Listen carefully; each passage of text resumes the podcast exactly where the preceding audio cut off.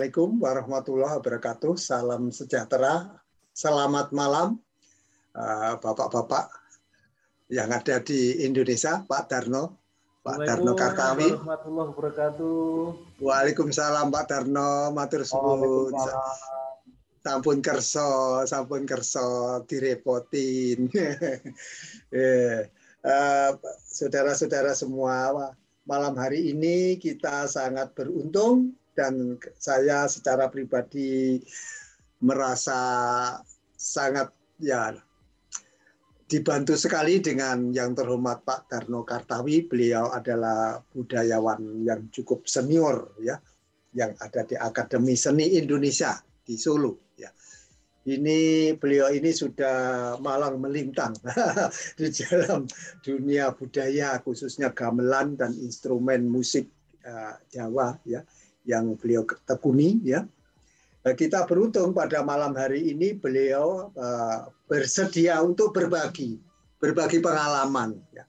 berbagai pengalaman, berbagi wacana dan berbagai ide yang nantinya saya kira sudah waktunya kita itu berbagi, berbagi dengan ide-ide. Bagaimana kita itu ke depan budaya kita lokal, ya budaya lokal kita ini makin kuat ya karena sebetulnya budaya lokal, budaya Jawa, budaya Sunda, budaya Madura, budaya Minang, budaya Batak, budaya Aceh, budaya Papua, budaya Dayak, budaya Bugis, budaya Melayu, dan lain-lain ya.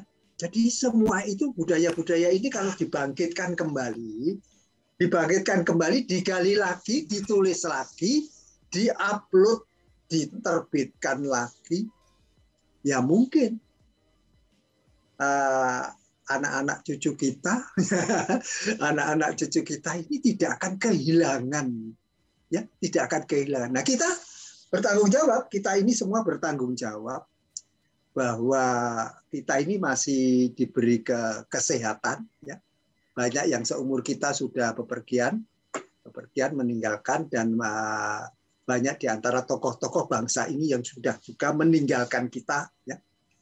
Jadi tokoh-tokoh bangsa ini banyak yang sudah meninggalkan kita, bahkan uh, ponaan saya dua hari yang lalu ya meninggalkan saya. Ya, tapi ya nggak apa-apa, ini adalah semua proses ya. Saudara-saudara semua, uh, Din bisa dianukan CV-nya punya CV Pak Anu, CV Pak Terno.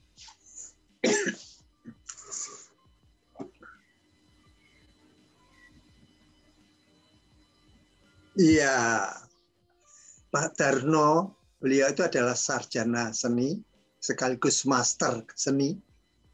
Beliau adalah dosen ya. Kalau di Amerika itu dosen itu profesor ya. Jadi ya yang yang beliau ini adalah ini 5 Februari. Jadi Bapak ini baru saja ulang tahun. Ya, ulang tahun. Ya, ulang tahun ya. Ini beberapa seminggu yang lalu ya. ya Bapak ada di Sukoharjo. Ya ini Sukoharjo katanya dengan Solo itu berdekatan, berdampingan. Iya, alamat kantor di ini, jalan di Surakarta.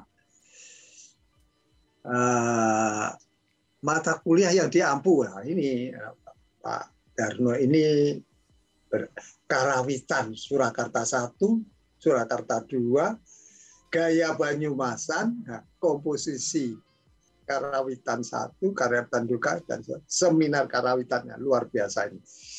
Jadi eh, Bapak ini S3-nya masih anu, eh, dalam proses atau masih dalam anu juga eh, ya tapi ya nggak apa ya nih hmm, selama ini ya lulus tahun 2000, 2004 ya. ya.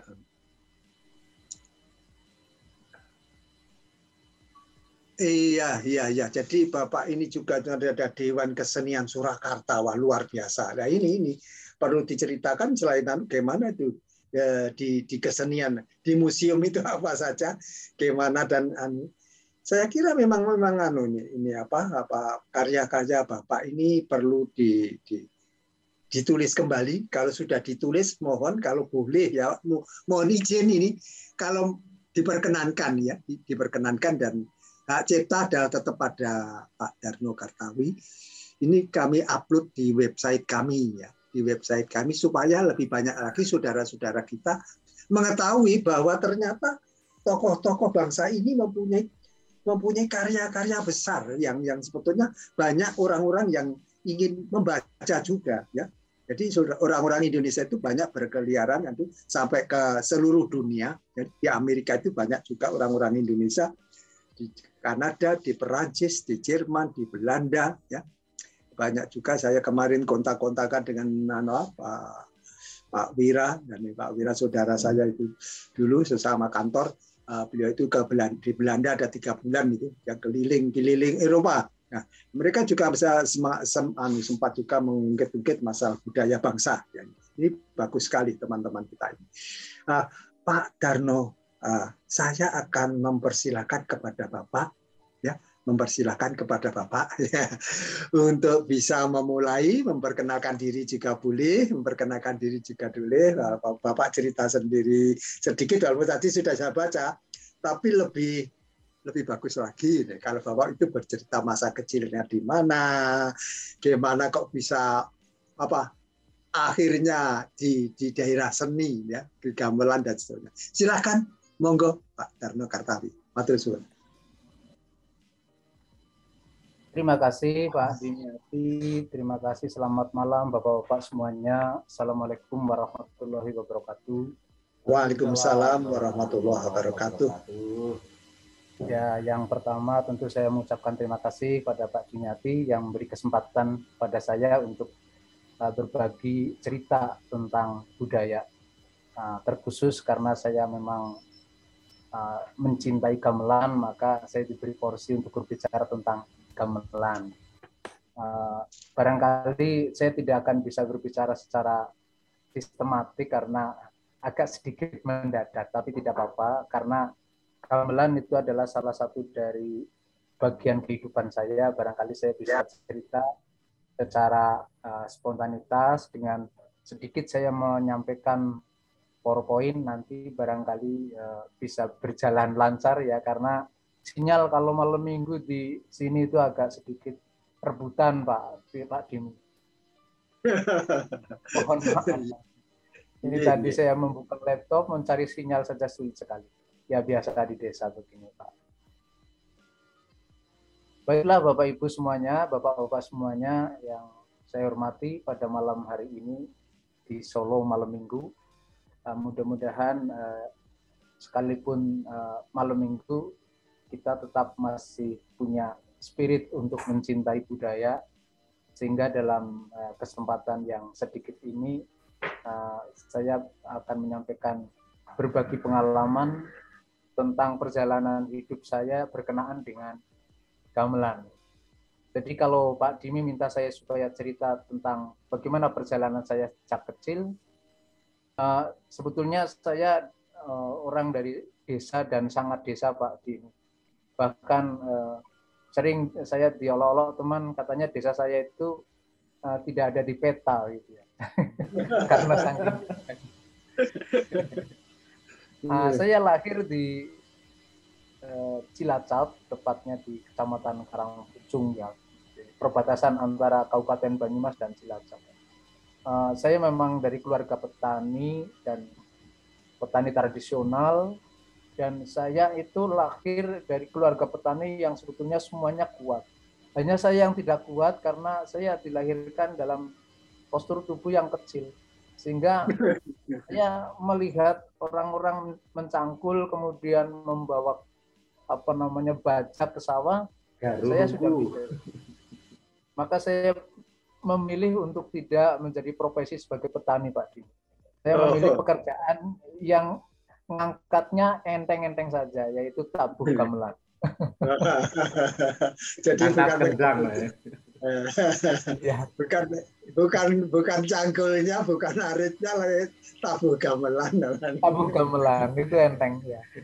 Ya sebetulnya saya bukan lahir dari keluarga seniman, tetapi di sekitar tempat tinggal saya dulu uh, di rumah apa namanya taman saya itu ada gamelan besi yang sering ditabuh oleh petani-petani ketika malam hari mereka berkumpul uh, nabuh ya mereka dengan menggunakan gaya dan caranya sendiri tidak ada guru mereka yang penting ada gamelan dibunyikan bersama. Dan saya waktu itu suka sekali mendengar gamelan kalau habis sholat isya kemudian ada gamelan saya hanya boleh melihat dari jendela saya nggak boleh masuk karena uh, keluarga saya sedikit fanatik ya dengan dengan Islam Islam Jawa. Sehingga kalau saya masuk ngikut nabu gamelan dimarahi oleh kakak saya. Oh ya. gitu. Gitu ceritanya. Kemudian lambat laun saya dengan gamelan itu menjadi semakin apa ya semakin jatuh cinta ketika orang tua semua sudah ada di ladang sore hari ada kegiatan latihan PKK begitu saya nyolong saya nyuri.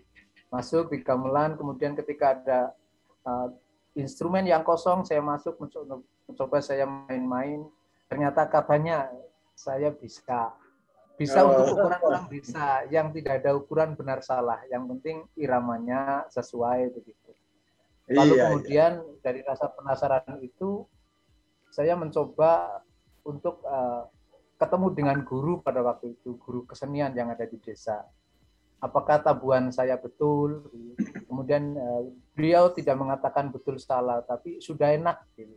sudah enak itu sangat apa ya relatif. Semangat ini akan semangat. ya, untuk menyemangati saya karena katanya saya bakat katanya. Karena saya tidak tahu kalau ukur bakat itu bagaimana.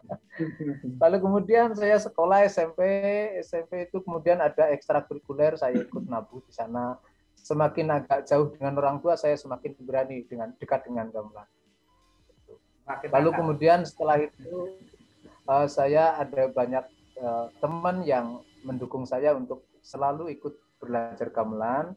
Pada akhirnya suatu waktu ada lomba karawitan pada waktu itu. Saya bermain kendang, kemudian saya dikasih apa namanya notasi yang katanya ini ada ukuran benar salahnya menurut uh, dunia pendidikan. Lalu kemudian saya hafalkan. Tidak menang tapi menjadi pengalaman buat saya pada waktu itu.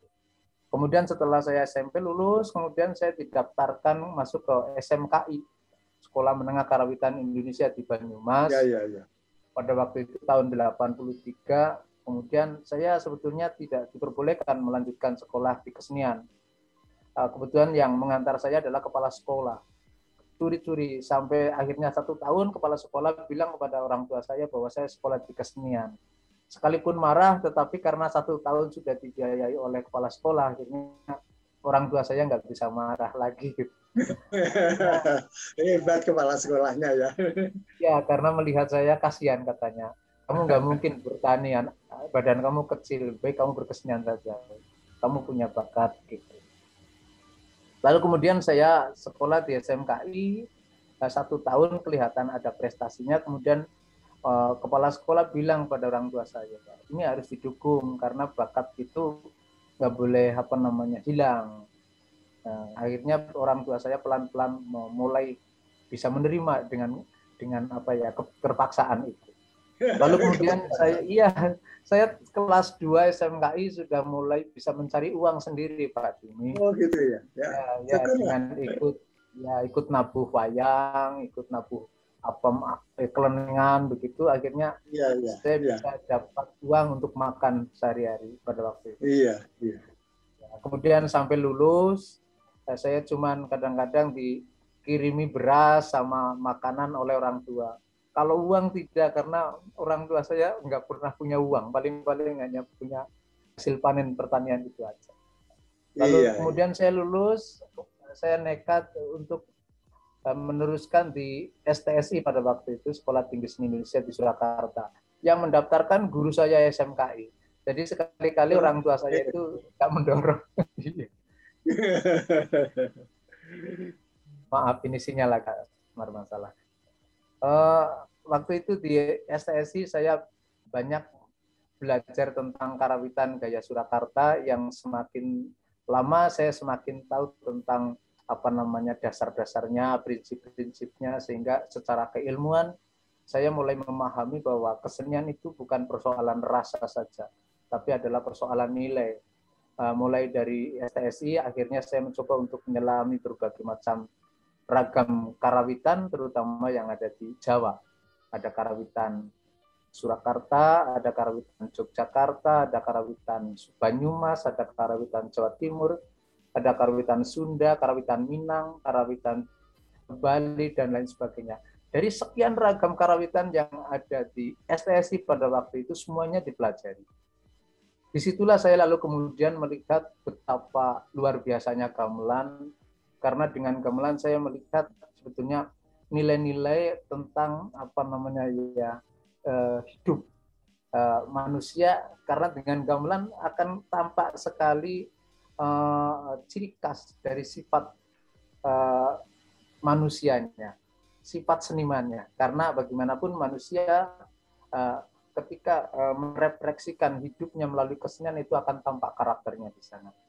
Maka dari itu saya senang sekali dengan gamelan itu bisa melihat karakter melalui seni, melalui estetika Kira-kira itu cerita tentang perjalanan hidup saya. Akhirnya saya jatuh cinta dengan gamelan itu saya di STSI karena banyak sekali bertemu dengan kawan-kawan yang bercerita tentang gamelan, tentang uh, gending-gending, tentang budaya dan tentang segala macam yang berkenaan dengan gamelan.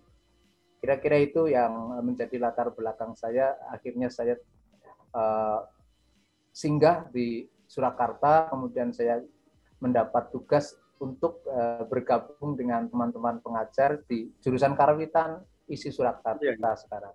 Ya.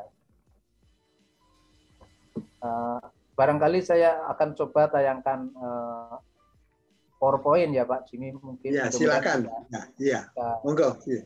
Dimulai aja deh. Apakah su sudah tampak Pak? Ya itu, ya itu sudah sudah kelihatan. Oke yang ini tampak di depan ini sebetulnya sampul untuk uh, PowerPoint. Ini saya punya teman yang jatuh cinta dengan gamelan adalah namanya Mas Son ini dari Amerika. Kebetulan oh, dia datang ke Solo untuk belajar karawitan sama saya untuk uh, mendalami karawitan Banyumasan gitu. Nah, dia hmm. suka sekali untuk main gamelan terutama untuk kendang dan juga untuk vokal. Iya, iya. Ini anu masalah anu apa budaya lokal ini, Pak. Ini banyak Amerika. Amerika itu kalau sekarang yang paling dekat itu Hawaii, Pak. Hawaii. Oh, Hawaii ya. ya, ya. Itu paling dekat itu juga. Itu, itu kemarin saya kontak dengan teman yang ada di Sunda uh, di UPI, Bapak Dr. Um, Heri ya, Kurniawat. Uh, saya katakan gimana proyek kita dulu dengan Pak Bill. Pak Bill itu adalah istilahnya Profesor Dr. William Davis. Oh iya, iya. Beliau itu, ya. Beliau itu 30 tahun melakukan penelitian Jawa, Madura, Sunda, Saksak, Bali, dan seterusnya banyak sekali itu. Itu sampai 30 tahun umurnya itu habis. penelitian budaya ya. Iya, jadi beliau itu meninggalkan kita semua itu 18 Agustus 2017 ya oh. empat, empat setengah tahun yang lalu. Saya oh. dengan beliau itu berturut-turut 23 tahun penelitian.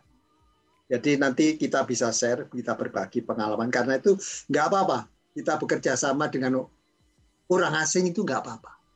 Ya, ya ini untuk uh, menyemangati teman-teman kami yang ada di Jawa yang kadang-kadang melihat gamelan itu seperti sesuatu yang apa ya yeah. naif ya, sesuatu yang yeah. kuno dan sebagainya kadang-kadang. Ya ini, ya, ya silakan Pak, Pak silakan. Oh, yeah.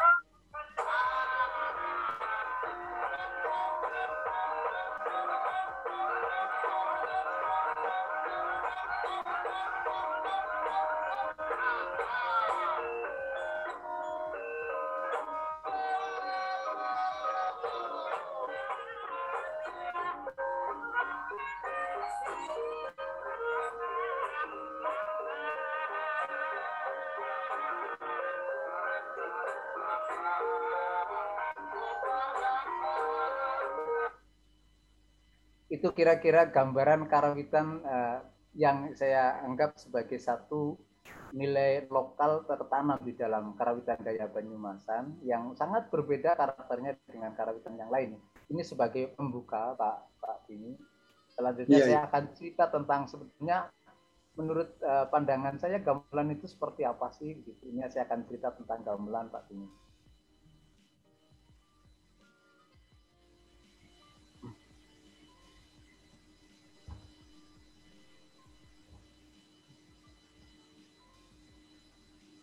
Jadi saya melihat gamelan itu sebetulnya sifatnya hampir seperti sungai ya Pak Pak. Oh. Jadi dalam sungai itu ada yang uh, si apa namanya mengalir dengan tenang dan jernih begitu. Kemudian ada juga yang mengalir jernih tapi gemericik begitu. Kemudian ada yang mengalir jernih begitu derasnya. Ada yang mengalir keruh dan landai begitu dan ada juga yang mengalir keruh dan tenang. Uh, semuanya itu adalah sifat air yang menurut saya ini sebagai analogi dari uh, gambaran tentang sifat gamelan. Jadi kenapa tenang, jernih. Jadi ini gambaran-gambaran ini saya tidak akan menjelaskan secara detail kaitannya dengan karawitan ya karena uh, sudah bisa dibayangkan karena di dalam perkembangannya gamelan itu juga ada yang dianggap sebagai ansih tentang tata nilai yang di dalamnya ada norma-norma yang kalau tidak begini salah, kalau begini salah dan sebagainya. Ini sebagai saya anggap sebagai analogi tentang jernih dan tenang karena di sana harus ada ketaatan terhadap aturan-aturan itu. Kemudian ketika jernih dan gemercik ini jernih itu sebetulnya punya identitas yang jelas, ya punya identitas yang jelas. Gemercik itu tapi sifatnya sangat apa nama kompromistis, kompromi, jadi tidak tertutup. Nah, seperti karawitan gaya Banyumasan itu ya, jelas uh, identitasnya, normanya juga jelas. Tapi karena berada di wilayah perbatasan antara Sunda dan Jawa, uh, Surakarta dan Yogyakarta, dan berada di wilayah-wilayah budaya agraris yang egaliter, maka sangat terbuka. Uh, sangat terbuka dan kadang-kadang ada orang menganggap bahwa karawitan Banyumas itu seperti liar begitu. Tapi sebetulnya kami pelajari dengan berbagai sudut pandang karawitan Banyumas benar-benar memiliki satu tata nilai yang sama dengan karawitan-karawitan yang ada di wilayah Negarigung, terutama di wilayah yang sumbernya dari keraton. Lalu kemudian jernih dan deras itu uh, saya analogikan sebagai karawitan yang berada di wilayah uh, desa yang kaitannya dengan kesenian-kesenian rakyat. Dan kesenian rakyat itu kalau di daerah-daerah itu biasanya sifatnya sangat dinamis, sangat cepat, sangat spontanitas. Dan orang uh, untuk mencermati dan menganalisa jenis musik ini agak sedikit sulit uh, ketika mereka tidak terjun langsung di dalam uh, dunia itu. Saya anggap ini sebagai jernih dan deras. Jernih itu apa artinya? Mereka punya konvensi, mereka punya punya tata nilai dan punya aturan ya aturan-aturan tentang nilai-nilai lokal yang tidak boleh dicampur-campur antara lokal yang ada di wilayah uh, barat, wilayah timur, wilayah utara dan wilayah uh, selatan. Lalu kemudian keruh dan landai. Ini ibaratnya satu jenis, jenis pertunjukan karawitan yang sebetulnya di sana saya melihat sudah terkontaminasi dengan berbagai hal ya maaf saja kadang-kadang saya melihat ada beberapa pertunjukan karawitan yang uh, tidak didasari uh, tentang kaidah-kaidah nilai. Sehingga sering sekali karawitan sebagai kendaraan. Kendaraan-kendaraan kepentingan tertentu. Sehingga nilai-nilai tata nilai tentang estetika itu tidak nampak di sana. Justru yang lebih kedepankan adalah pada persoalan-persoalan yang sifatnya uh, uh, barangkali ya ini barangkali dalam tanda kutip politis. Dan kadang-kadang untuk kepentingan yang seperti ini, tata nilai atau etika, estetikanya agak sedikit di uh, nomor nomor dua kan.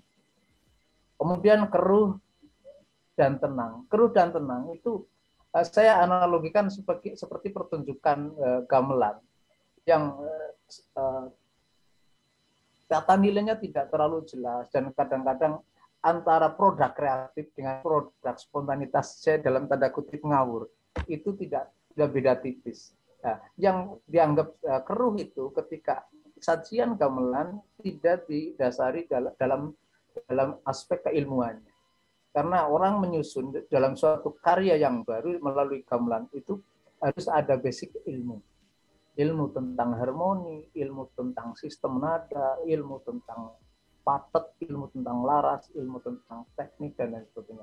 Biasanya orang melihat gamelan itu hanya sebatas sebagai idom bunyi, lalu kemudian mereka main-main dengan uh, mengatasnamakan kreatif. Saya kadang-kadang dengan hmm, model yang seperti ini agak sedikit sedih begitu.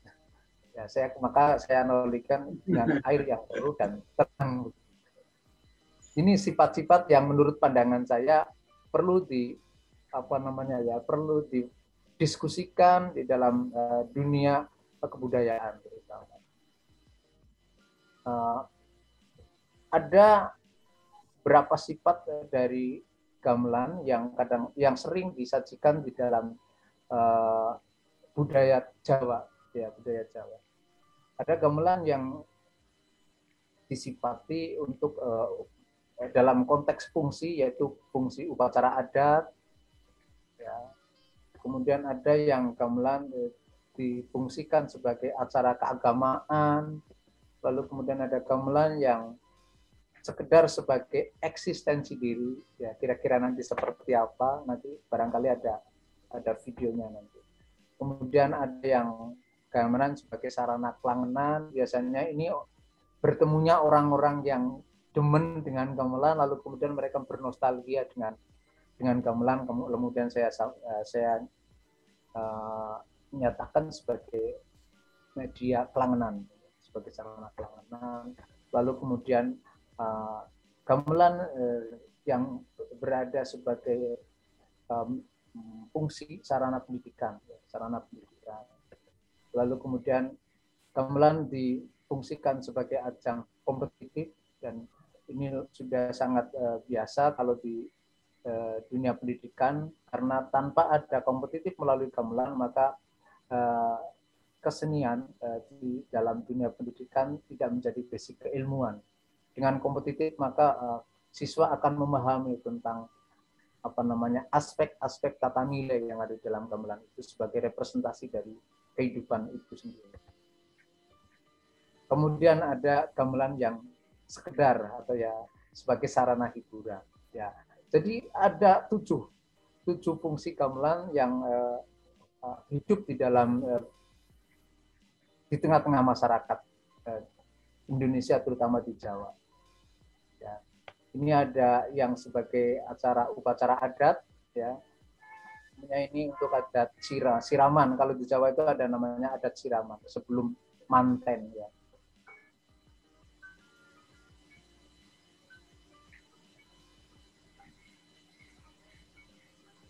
Usman jadi sedang pasiraman. Sang Nah, ini konteksnya adalah dengan acara ritual atau adat upacara sehingga gending yang disajikan melalui gamelan hmm, uh, mempunyai makna filosofi tertentu yang tentunya gending itu juga ada kaitannya mungkin secara tekstual ya dengan uh, apa namanya dengan upacara yang dimaksud siraman. Kemudian uh, setelah siraman biasanya lanjut ke berlanjut kepada acara upacara pahargian ya. Pahargian yang sebagai salah satu pencirinya adalah kodok ngorek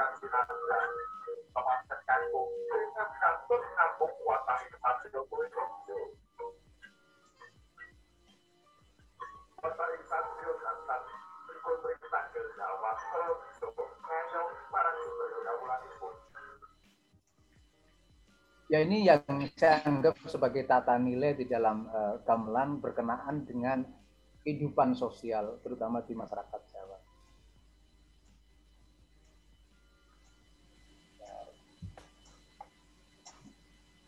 Dalam kegiatan upacara adat, ya, pergelaran gamelan yang diselenggarakan oleh masyarakat tertentu dalam kegiatan yang berkenaan dengan keyakinan yang dianutnya, upacara adat adalah salah satu tradisi masyarakat tradisional yang diyakini memiliki nilai-nilai yang masih dianggap relevan dengan kebutuhan masyarakat penduduk pendukungnya.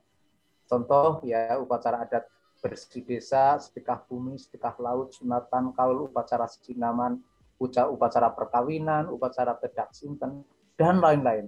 Segala macam upacara-upacara yang lekat dengan budaya Jawa itu hampir berkenaan, hampir selalu bersanding dengan kehidupan gamelan dan gamelan selalu ada di sana. Maka gamelan itu sangat apa ya, sangat uh, dekat, uh, lekat sekali dengan yang disebut budaya Jawa.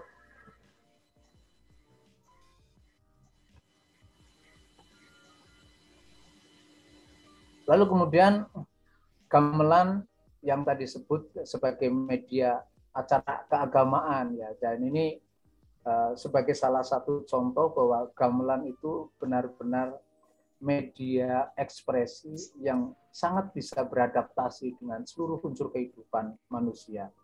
Salah satu contoh ini ada ada salah satu karya ya ini namanya karya uh, uh, sekaten yang mencoba di, diinovasi oleh teman saya namanya Pak Waluyo yang dulu sekaten itu adalah sebagai gamelan yang disaksikan uh, untuk uh, upacara kelahiran Nabi Muhammad Shallallahu Alaihi Wasallam. Kemudian diinovasi, kemudian teksnya lebih diperjelas. Karena kalau dalam gamelan sekaten tidak ada vokal, ini coba diperjelas dengan menggunakan teks. Kira-kira akan menjadi seperti itu.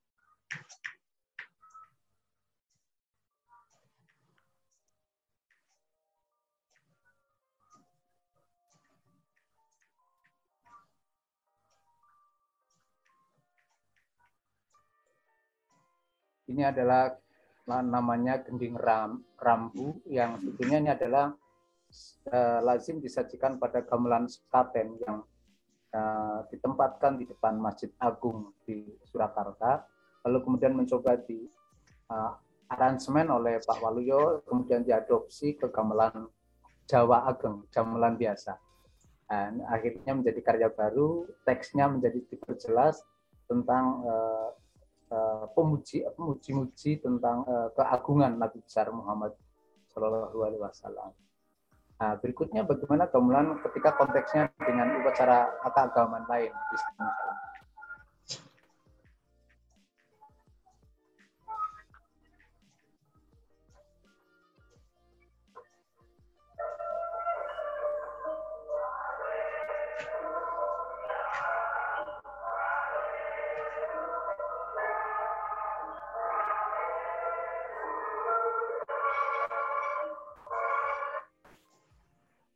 itu jadi sangat uh, berbeda tetapi semuanya uh, menyatu dalam uh, jiwanya. Karena gamelan punya ikatan kuat yang namanya sistem nada laras ya.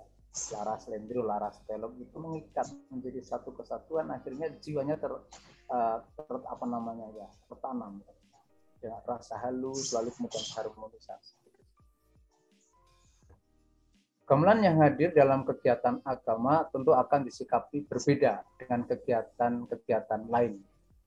Hal pembeda yang substansial dalam kegiatan agama adalah pada penekanan esensi estetika yang lebih beratkan kepada pesan-pesan religiusitas melalui syair dan lagu. Jadi tadi sangat tampak ya walaupun dalam sistem ada yang sama tetapi ketika di dalam sajian eh, dalam konteks agama Islam maka sair-satirnya, kemudian lagu-lagunya bernuansa Islam, lalu kemudian teksnya uh, bercerita tentang uh, kebesaran Nabi Muhammad. Lalu kemudian di agama Kristen juga uh, sangat jelas teksnya ya tentang haleluya dan lain sebagainya, yang menjadikan penciri dari agama itu sendiri. Dan gamelan sangat terbuka. Dengan demikian maka peran pengrawit harus memperlakukan gamelan secara hati-hati agar pesan-pesan moral yang disampaikan melalui vokal tidak terkalahkan oleh sajian instrumen gamelan. Ya karena ini sebagai media siar agama, maka yang terpenting adalah pada persoalan teks atau sairnya untuk supaya bisa diperdengarkan secara jelas tentang makna makna teksnya. Saya kira seperti itu. Kemudian yang berikutnya sebagai fungsi kelangenan ya. Jadi kelangenan itu adalah sesuatu yang menjadi kesenangan, kegemaran, kesukaan, dan kepuasan batin. Bertolak dari makna ini, korelasinya dengan gamelan adalah satu bentuk kegiatan sekelompok masyarakat yang memiliki jenis kesenangan sama terhadap gamelan.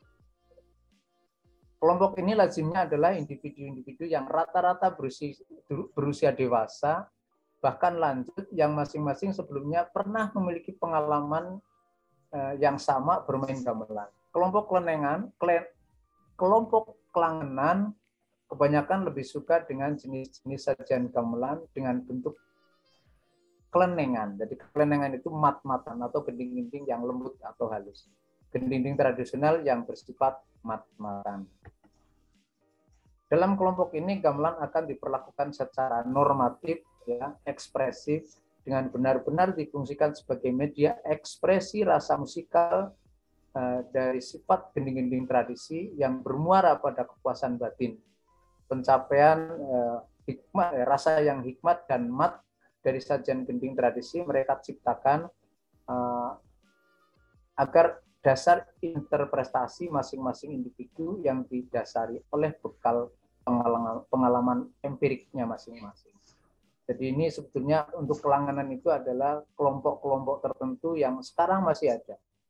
Jadi kadang-kadang di Solo itu masih ada kelompok karawitan-karawitan sepuh yang mereka ketemu lalu kemudian mereka bernostalgia menyajikan gending-gending lama, gending-gending klasik. Nah, kadang-kadang anak-anak muda tidak nyambung, tidak nyaman juga kalau mendengarkan biasanya. Hingga pada cipta, eh, capaian rasa musikal yang mat atas harmonisasi antara sajian instrumen gamelan tradisi adalah bentuk kesadaran akan kaidah-kaidah etika dan estetika yang diterapkan di dalam bermain gamelan. Makna estetika dalam bermain gamelan direfleksikan ke dalam bentuk teknik tabuhan dan penerapan pola-pola sajian garap setiap instrumen yang menjadi dasar terbentuknya sajian gending menjadi nikmat. Kira-kira seperti itu. Karena mhm. kalau berbicara tentang kelenengan, kelangenan itu sebetulnya berbicara tentang uh, estetika, kemudian berbicara tentang nilai ansih di dalam gamelan itu sendiri. Selain itu juga gamelan uh, bisa disajikan uh, sebagai sarana eksistensi diri. Eksistensi diri yang dimaksud itu kira-kira ya bagaimana supaya kehidupan uh, masyarakat atau kehidupan manusia dalam uh, umur usia-usia tertentu mereka tampak eksis. Mereka mereka merasa ada di dalam kelompok itu dan kemudian membangun spirit baru dengan melalui gamelan. Ya, salah satunya ini yang pernah saya lakukan di uh, Desa Jebres bersama Pak Kun Prastowo ya di Kecamatan Jebres melalui kegiatan uh, budaya ya. Nah, ini adalah salah satu karya kami dalam bentuk tanam bromo ibu-ibu. Ini sebagian besar usianya sudah lanjut.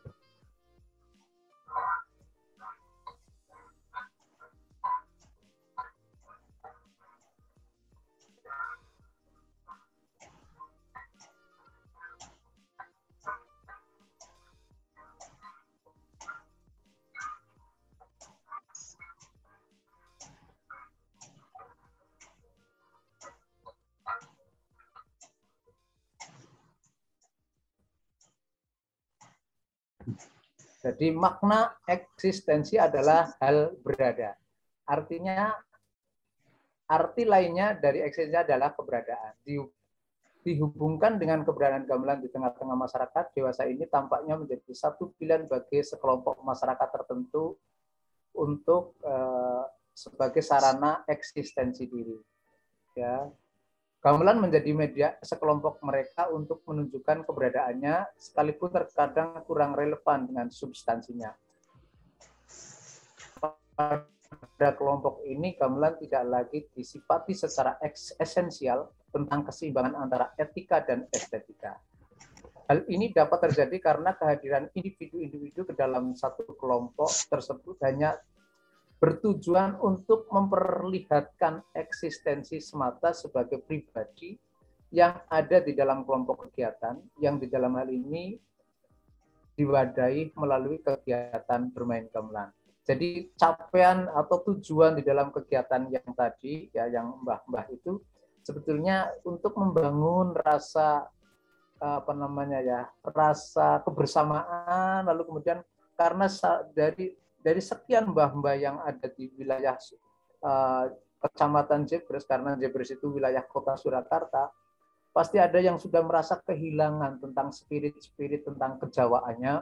Maka ketika kita gelar dengan wadah uh, festival Panem Bromo, mereka merasa merasa kembali lagi di, di dalam dunianya dan banyak sekali yang menangis dan merasa senang sekali merasa ketemu lagi dengan uh, dengan kehidupan masa lalu. Jadi ada hal-hal yang memang uh, muncul pada waktu uh, kegiatan itu sehingga banyak orang yang dulunya merasa dekat dengan uh, tradisi Jawa dengan gamelan tiba-tiba sekian tahun kemudian di Solo perkembangannya kemudian seperti hilang jauh dari gamelan tiba-tiba datang lagi mereka seperti merasa kembali lagi ke apa namanya ke jiwanya jiwa sebagai orang Jawa ini yang yang yang kami merasa uh, sukses dalam uh, wadah itu. Ya, sudah barang tentu hal ini akan terlihat dalam setiap sikap perilakunya yang bisa jadi tidak peduli dengan tujuan yang hendak dicapainya. Ya, tujuan yang hendak dicapainya sebetulnya kalau kami bagaimana membangun apa namanya spirit baru, spirit Jawa yang baru di dalam uh, dunia yang hiruk pikuk yang sudah sangat dinamis, terutama di wilayah kota. Nah, melalui apa namanya kesan-kesan yang disampaikan melalui nilai-nilai estetika dan etika. Tapi kadang mereka sebagai pelaku tidak peduli itu, mereka hanya menikmati, kemudian mereka merasa kembali begitu saja. Ya, ini ya, tentunya bagi kami sangat penting dihidupkan, ya, terutama gamelan di kalangan-kalangan masyarakat yang berada di perkotaan itu yang yang sebagai media eksistensi ya terutama di masyarakat masyarakat yang kecenderungan uh, orang kalau ibu-ibu itu latah ya kalau apa namanya ada kegiatan apa namanya yang sifatnya komunal mereka selalu ikut supaya merasa dirinya itu bagian ada di dalam kelompok itu. Ada yang bisa dengan melalui kesenian ada yang sepeda sepeda ontel ada yang jalan sehat ada yang senam ada macam-macam tapi dengan gamelan nilainya sangat berbeda menurut kami. Itu di dunia uh, masyarakat. Lalu kemudian bagaimana di dunia pendidikan? Ya, di dunia pendidikan tentu tadi yang sudah saya sampaikan, ini sebagai sarana bagi siswa untuk mengenal uh, tentang tata nilai. Bahwa main gamelan bukan sekedar main bunyi, bukan bermain tentang senang-senang, tetapi di dalam gamelan itu ada aturan bagaimana sikap toleransi, saling menghargai, satu sama lain tercermin di dalam bermain instrumen. Yang bonang tidak boleh terlalu keras karena nanti kalau terlalu keras nanti yang main uh, gambang tidak tidak terdengar. Juga tidak ter, boleh terlalu cepat nanti yang lain tidak akan bisa mengikuti. Jadi toleransi kemudian apa namanya uh, saling menghargai dalam nilai-nilai uh, kehidupan itu ter, terrefleksikan di dalam permainan gamelan. Nah, siswa uh, capaiannya itu karena kami tidak ingin uh, bertujuan siswa untuk menjadi pemain gamelan, tapi siswa dengan gamelan bisa memahami tentang toleransi, tentang uh, tepos liro, ya tentang apa namanya uh, menghargai satu sama lain. Kira-kira itu.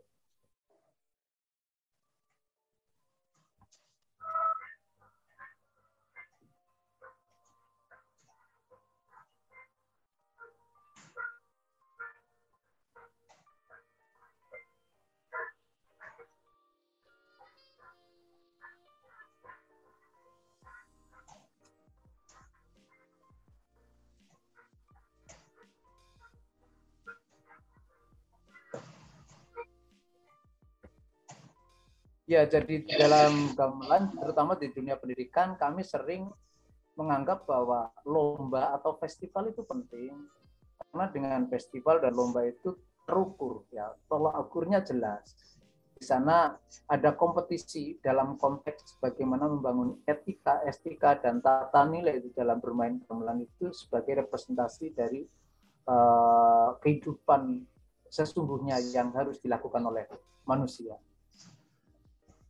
Nah, kemudian saya pernah tahun uh, eh, 2007 sampai 2009 bekerja sama dengan Lapas Kudoarjo. Lapas itu ini adalah lapas unik karena ini uh, lapas dari tahanan anak-anak usia 9 tahun sehingga 17 tahun yang mereka itu sebetulnya semuanya adalah kasus-kasus kriminal, kenakalan anak-anak di bawah umur dan sangat sulit kendalikan dan sangat sulit untuk di apa namanya ya dikembalikan jiwanya untuk menjadi normal.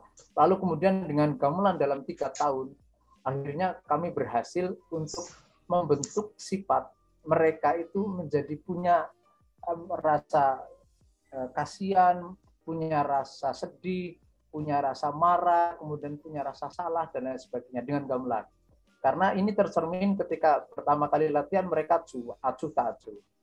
Nah, kemudian ketika beberapa uh, kali latihan mereka sudah mulai bisa menyalahkan yang lain. Kalau kamu mainnya begini salah, mestinya kamu harus ikut apa yang dipandu oleh guru dan sebagainya. Tentang tempo, tentang nada dan lain sebagainya. Mereka sudah saling membenarkan ketika teman sebelahnya salah. Ini terbentuk dan kebetulan pada waktu itu kami bekerja sama dengan uh, teman dari UGM eh, dari Fakultas uh, Psikologis. Jadi mereka bagaimana mengukur apa namanya perilaku anak lapas melalui gamelan. Ada semacam terapi penyembuhan. Dalam tiga tahun kebetulan kami berhasil untuk bisa mengentaskan kira-kira sekitar 60 persen dari anak lapas yang kemudian di remisi. Ya jadi ada hukuman keringanan hukuman. Sayangnya mereka setelah selesai dari hukuman mereka bingung mau ke mana karena pulang tidak lagi diterima oleh masyarakatnya. Lalu kemudian pada waktu itu kami menyarankan kepada kepala lapas untuk membuat semacam uh, tempat kegiatan untuk mereka bisa mendapat uang. Akhirnya membuka cuci cuci kendaraan di dekat lapas mereka sudah bisa mencuci kendaraan, lalu kemudian mereka akhirnya bisa mendapat uang. Jadi belajar eh, belajar apa namanya eh, bekerja setelah mereka kondisi psikologisnya normal. Jadi gamelan menurut saya sangat sangat ampuh. Ya, ke keberadaan gamelan di dunia pendidikan tentu sangat berbeda dengan yang berada di ruang-ruang eksistensi lainnya. Ini menjelaskan yang tadi. Di samping gamelan difungsikan sebagai media estetik musikal di dunia pendidikan juga tekankan agar siswa memahami relevansi antara tatanan dalam kehidupan sosial dengan aturan-aturan konvensional yang berkaitan dengan tradisi di mana gamelan itu berada. Misalnya gamelan yang berada di wilayah Surakarta, maka aturan yang ditekankan adalah mematuhi aturan-aturan tradisi karawitan gaya Surakarta. Nah, begitu pula dengan daerah lain dalam gaya yang berbeda, maka di situ pula peserta didik ditekankan untuk memahami dan mampu mempraktikkan sesuai dengan gaya karawitan setempat. Di situ pula maka lahirlah berbagai strategi penguatan peserta didik untuk diuji kemampuannya baik dalam sajian tradisi maupun inovasi yang kemudian diwadahi dalam ajang perhelatan kompetisi yang sering diwujudkan dalam bentuk lomba dan atau festival. Jadi festival atau lomba yang dimaksud tadi adalah sebetulnya untuk mewadahi anak didik untuk berkompetensi mereka memahami tentang tata nilai, ya tata nilai. Jadi ada aturan-aturan yang boleh dilakukan dan tidak boleh dilakukan. Yang berikutnya karawitan sebagai media hiburan. Jadi secara harafiah sesuai dengan makna harafiah bahwa kata hiburan berarti suatu hal yang merubah perasaan sedih menjadi senang. Maka jika dikaitkan dengan peran gamelan dalam kehidupan masyarakat memiliki perspektif yang kompleks. Ya. Ada yang merasa terhibur jika terdengar gamelan dengan aluran lagu yang kekinian. Ada yang terhibur jika mendengar gamelan dengan totalitas sajian gending klasik dan atau tradisi tertentu. Dan ada pula yang merasa terhibur jika mendengarkan gamelan dengan sajian bentuk musik garapan baru yang ramai. Gitu. Kemudian akan tetapi justru ada yang sebaliknya dari semua itu. Sekalipun beragam makna dari pengertian hiburan, namun dalam realitanya keberadaan gamelan sebagai sarana hiburan terdapat kecenderungan yang mengarah pada bentuk sajian musikalitas yang sederhana, ringan, dan bersifat uh, sorry ya, yang ya bersifat stagnan. Dalam konteks ini maka gamelan tidak ada tidak ada lagi perlakuan secara rumit, kompleks dan totalitas dari seluruh sifat-sifat instrumennya yang ada pada seperangkat gamelan agung. Jika benar begitu, lalu pertanyaan apakah salah apakah salah jika gamelan diperlakukan demikian? Artinya diperlakukan uh, uh, uh, tidak sesuai dengan kaidah-kaidah norma dalam dalam tradisi tertentu? Tentu jawabannya yang bijak adalah relatif. Relatif itu sesuai dengan kondisi dan keinginan dan kebutuhan ya, tergantung dari perspektif mana ia melihat. Jadi kalau kita melihat kadang-kadang uh, gamelan sebagai media hiburan, kadang-kadang banyak orang yang mengatakan bahwa gamelan dirusak, gamelan sudah rusak dan sebagainya sebetulnya tinggal tergantung bagaimana kita melihat. Ini saya agak sedikit meluncat-meluncat karena tadi ada beberapa yang terhapus. Ini lagi salah satu uh, hasil kreativitas dari anak-anak sekolahan. Kenapa saya sering, eh, saya banyak sekali bercerita gamelan sebagai media pendidikan karena betapa pentingnya di dunia yang mengglobal sekarang ini kita uh, memperkenalkan gamelan sebagai apa namanya ya sebagai produk eh, tentang eh, media eh, eh, ekspresi dan juga media pendidikan, media tata nilai dan lain sebagainya melalui gamelan. Maka dengan melalui pendidikan harapan kami eh, generasi yang akan datang eh, akan selalu berjalan searah dengan norma-norma terutama budaya timur, terutama yang ada di wilayah Jawa, Indonesia. Ini salah satu karya yang saya uh, lakukan untuk inovasi di daerah uh, Banyumas, yang sangat berbeda tadi dengan yang lagu yang disajikan oleh masyarakat di dekat uh, Keraton Surakarta. Kalau tadi adalah kelompok karawitan SMP dari Suparjo, yang ini dari uh, Banjarnegara.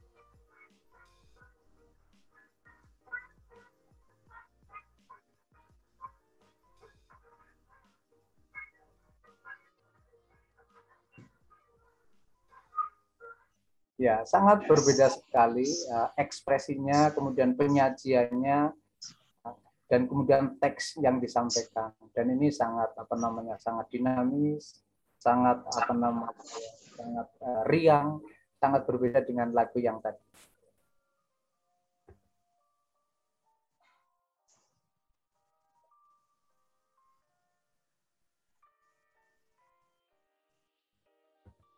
Ya ini saya jelaskan tadi yang berkaitan bagaimana gamelan digunakan sebagai media kompetitif ya. Saya kira eh, tidak perlu saya jelaskan kembali. Eh, kira-kira itu Bapak Ibu semuanya saya agak sedikit meloncat-loncat karena ini tadi ada problem di uh, laptop saya sehingga PowerPoint-nya menjadi tidak runtuh. Tapi setidaknya saya berbicara secara umum tentang bagaimana peran gamelan di dunia kehidupan manusia, baik uh, dalam uh, masyarakat sosial, masyarakat umum, kemudian masyarakat pendidikan. Yang semuanya gamelan selalu bisa beradaptasi dengan semua kebutuhan. Kira-kira itu Pak Demi, monggo kalau ada yang uh, mau uh, menyampaikan barangkali uh, ada pandangan iya. lain. Monggo. Iya, iya. Terima kasih Pak Darno Kartawi. ini luar biasa sekali. Jadi ini menjadi bukti yang sangat nyata bahwa ternyata kalau dikumpulkan ini uh, budayawan-budayawan Nusantara ini. Ya, saya membayangkan itu. Ini dari jenengan itu kan dari Sukoharjo, Solo ya. Nah, ya. itu rupanya seantera Jawa Tengah menjenengan kelilingin. kan sudah sampai ke Banyumas apa itu kan itu. Ya, ya. ini ada di sebelah sana ini Mas Panaka Jaya. Mas Panaka Jaya itu orang muda tapi kira-kira 8 tahun, mungkin 10 tahun yang di Jogja itu. Beliau. Gajah Mada beliau. Ini budayawan. Nah, budayawan. Ya, memang background-nya, background beliau itu seni seni musik klasik barat asalnya. Tapi begitu anu langsung mendalam, mendalami budaya lokal. Terima kasih loh Pak Darno. Ya, terima kasih Pak Darno. Ini ya. saya sudah melihat di, di depan sana itu sangat bersemangat itu Pak Sarwanto dari yang pertama hadir keluar masuk keluar masuk ya.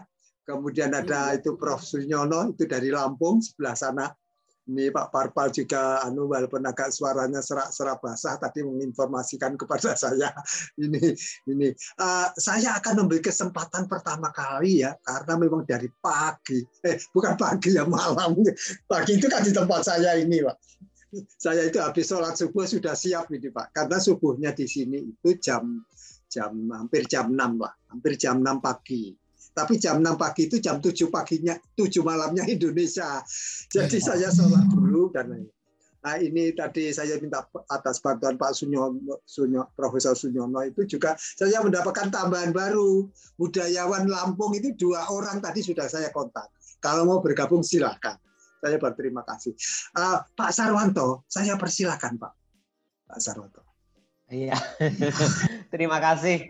Pak Surahman, Assalamualaikum warahmatullahi wabarakatuh. Waalaikumsalam warahmatullahi wabarakatuh. Pak Surahman, ya. Selamat malam Pak Prof Nyono, ya di Lampung, ya. Waalaikumsalam Pak Sarwanto. Ya, Pak Darno Kartawi, Wilujeng Dalu Pak Darno. Ya.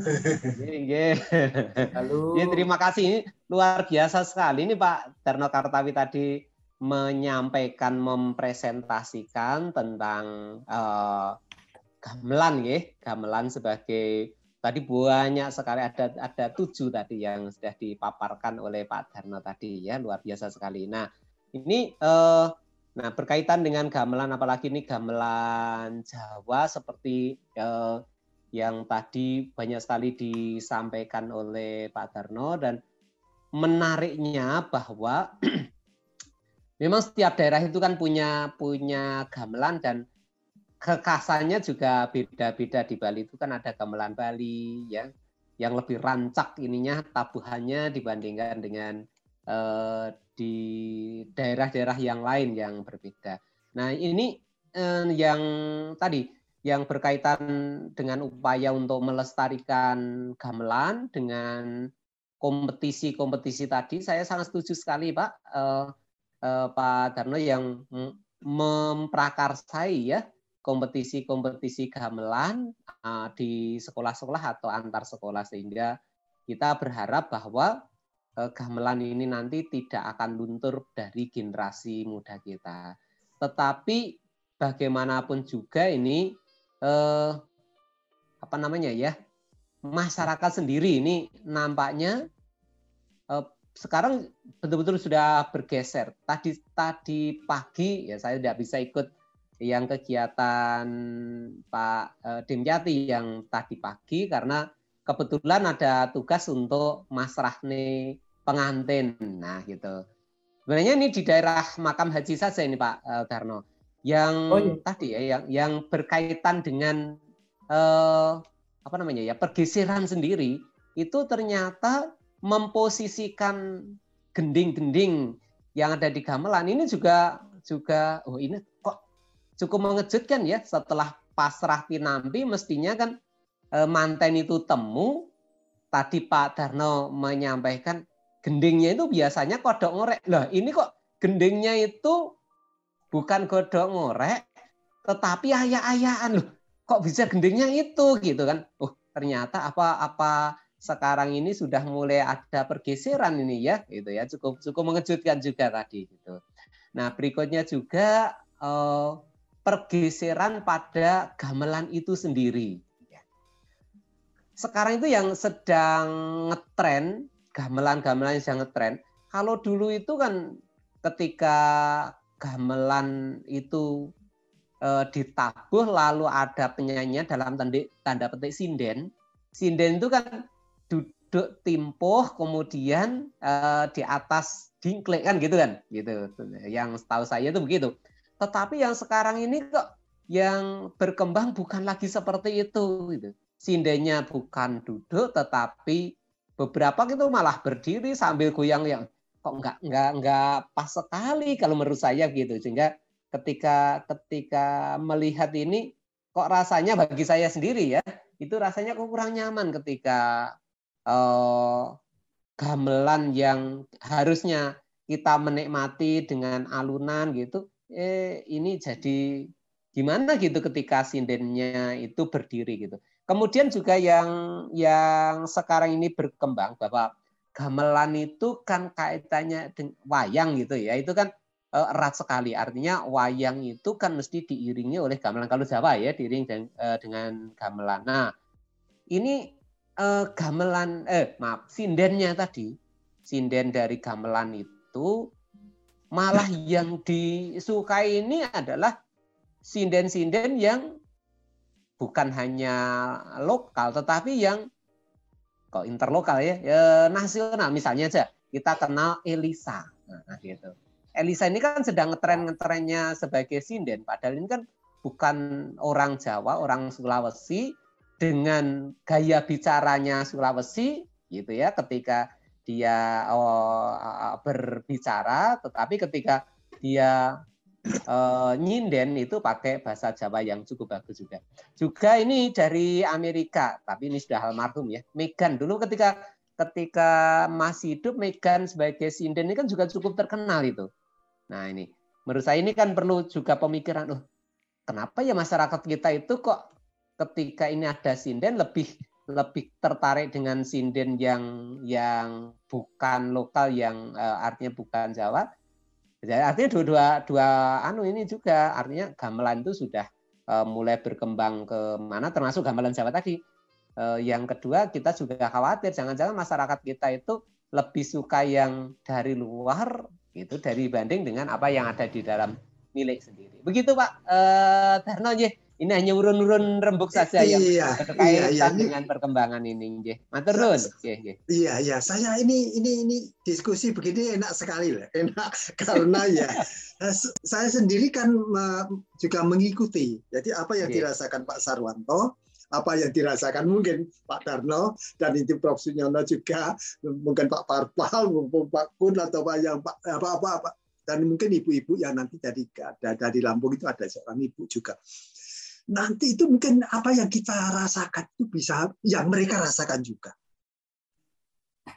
Tapi kan kita harus harus sama.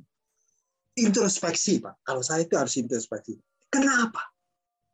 Kok sampai-sampai anak-anak muda bahkan kadang-kadang geser juga ke orang yang sudah sudah cukup berpengalaman pun menggemari yang dari luar casingnya itu asal iya. casingnya luar negeri, casingnya kelihatan dari Amerika, casingnya dari mungkin Australia, casingnya mungkin dari London, ya. ya. Loh itu kok dari luar? Memang ada dua kemungkinan, Pak. Pak, Pak Darno, Pak Sarwanto, Pak Sunyono, dan dengan Bapak-Bapak yang Ada kemungkinan karena Indonesia itu banyak yang ada di luar negeri. Jadi ini nanti eh, gamelan ini nanti akan kita kolaborasikan secara internasional. Ini ini nggak main-main, kita sudah ada kontak-kontakan. Saya dua hari yang lalu itu ada di Konsulat Jenderal Republik Indonesia di Chicago. Saya buka iPad saya, penampilan bapak-bapak itu paling tidak saya tunjukkan. Jadi bapak, eh, bapak ini kita menuju YouTube dulu ya. Nah, YouTube karena di set diketik Dimyati Podcast. Red langsung keluar semua podcast yang kita lakukan. Itu ada 80-an video. Jadi ini luar biasa. Nah, ini ini saya sampaikan, aduh Pak, ini sudah sudah bagus sekali nih. Ya, ini Pak, kami minta dukungannya. Ini kemarin ini yang ada di eh, apa di Quito di Quito itu Ekuador ya Ekuador itu sudah sudah bergabung akan akan nah, mereka mungkin dari KBRI Quito Ekuador ya. Kalau tidak ada gangguan teknis kemarin pagi itu eh tadi pagi tadi pagi Pak Saranto maaf. Tadi pagi itu tidak jalan Pak. tidak jadi. Karena memang ada saya dapat apa info dari Ekuador, Pak Ngadimin, ini ada gangguan teknis. Tapi insya Allah akan kita selesaikan dalam waktu dekat. Nah, ini Pak Pak Ngadimin sudah kontak dengan KBRI, harus ada ruangan khusus untuk ini, harus ada sinyal WiFi yang bagus untuk ini menginternasionalkan dari Ekuador ke seluruh dunia. Ini ke seluruh dunia. Jadi ini Ekuador sudah, nanti saya sudah kemarin saya sudah saya dekati dengan dengan apa Chicago. Ya Pak, ini musim pandemi. Ya nanti kita atur lebih berikutnya Pak, saya bilang gitu. Gamelannya sudah ada di Chicago. Ini ini kan sudah sudah dekat Pak. antara yang kita bayangkan dengan nanti the dream comes true.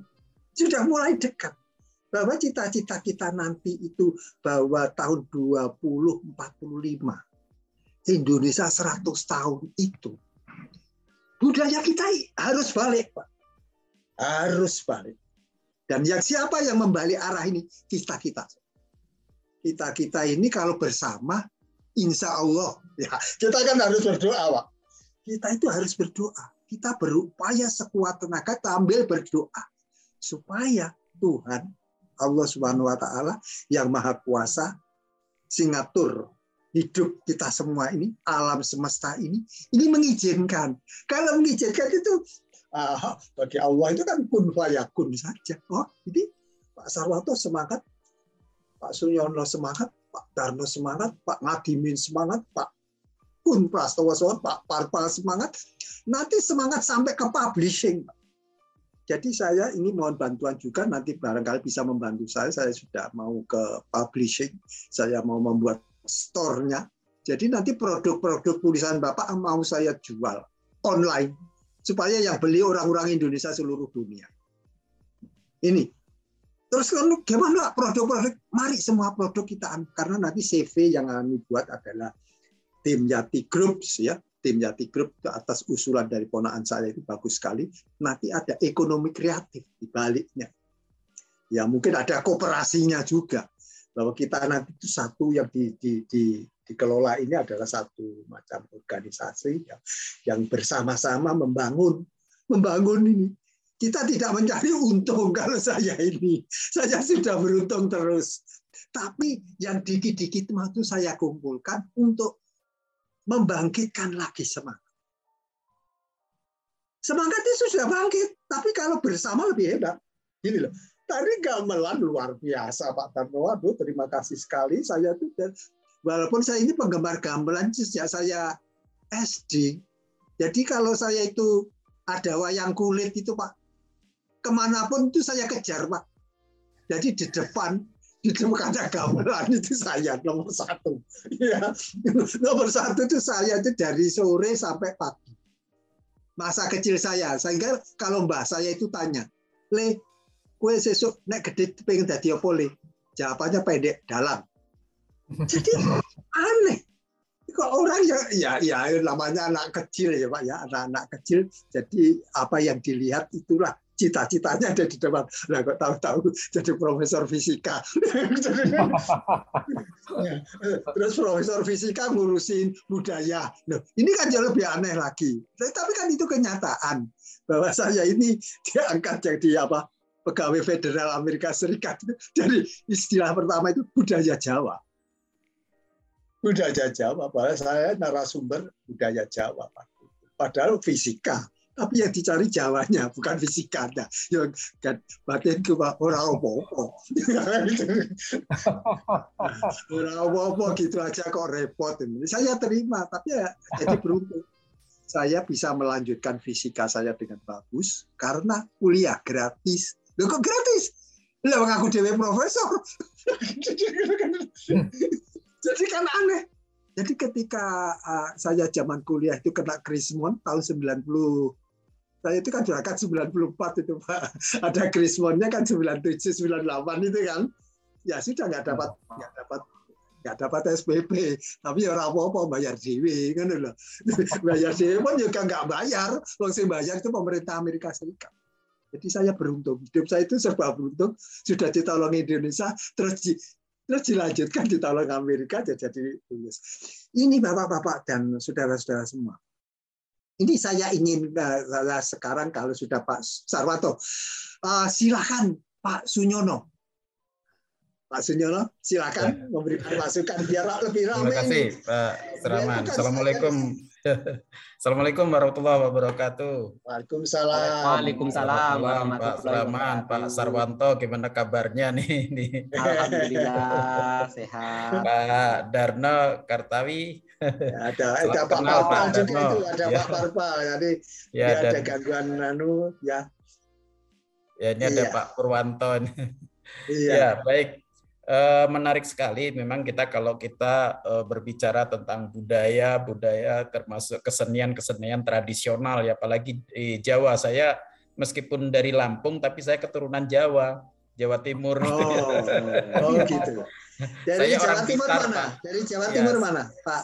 Blitar Pak Blitar. Oh, oh iya iya iya. Ya Serengat. Oh iya apa nanti saya, kita anu sinergikan ini kita iya betul. Jadi tapi saya kelahiran Lampung jadi Puja Kusuma oh, iya, pak. Iya nggak apa-apa.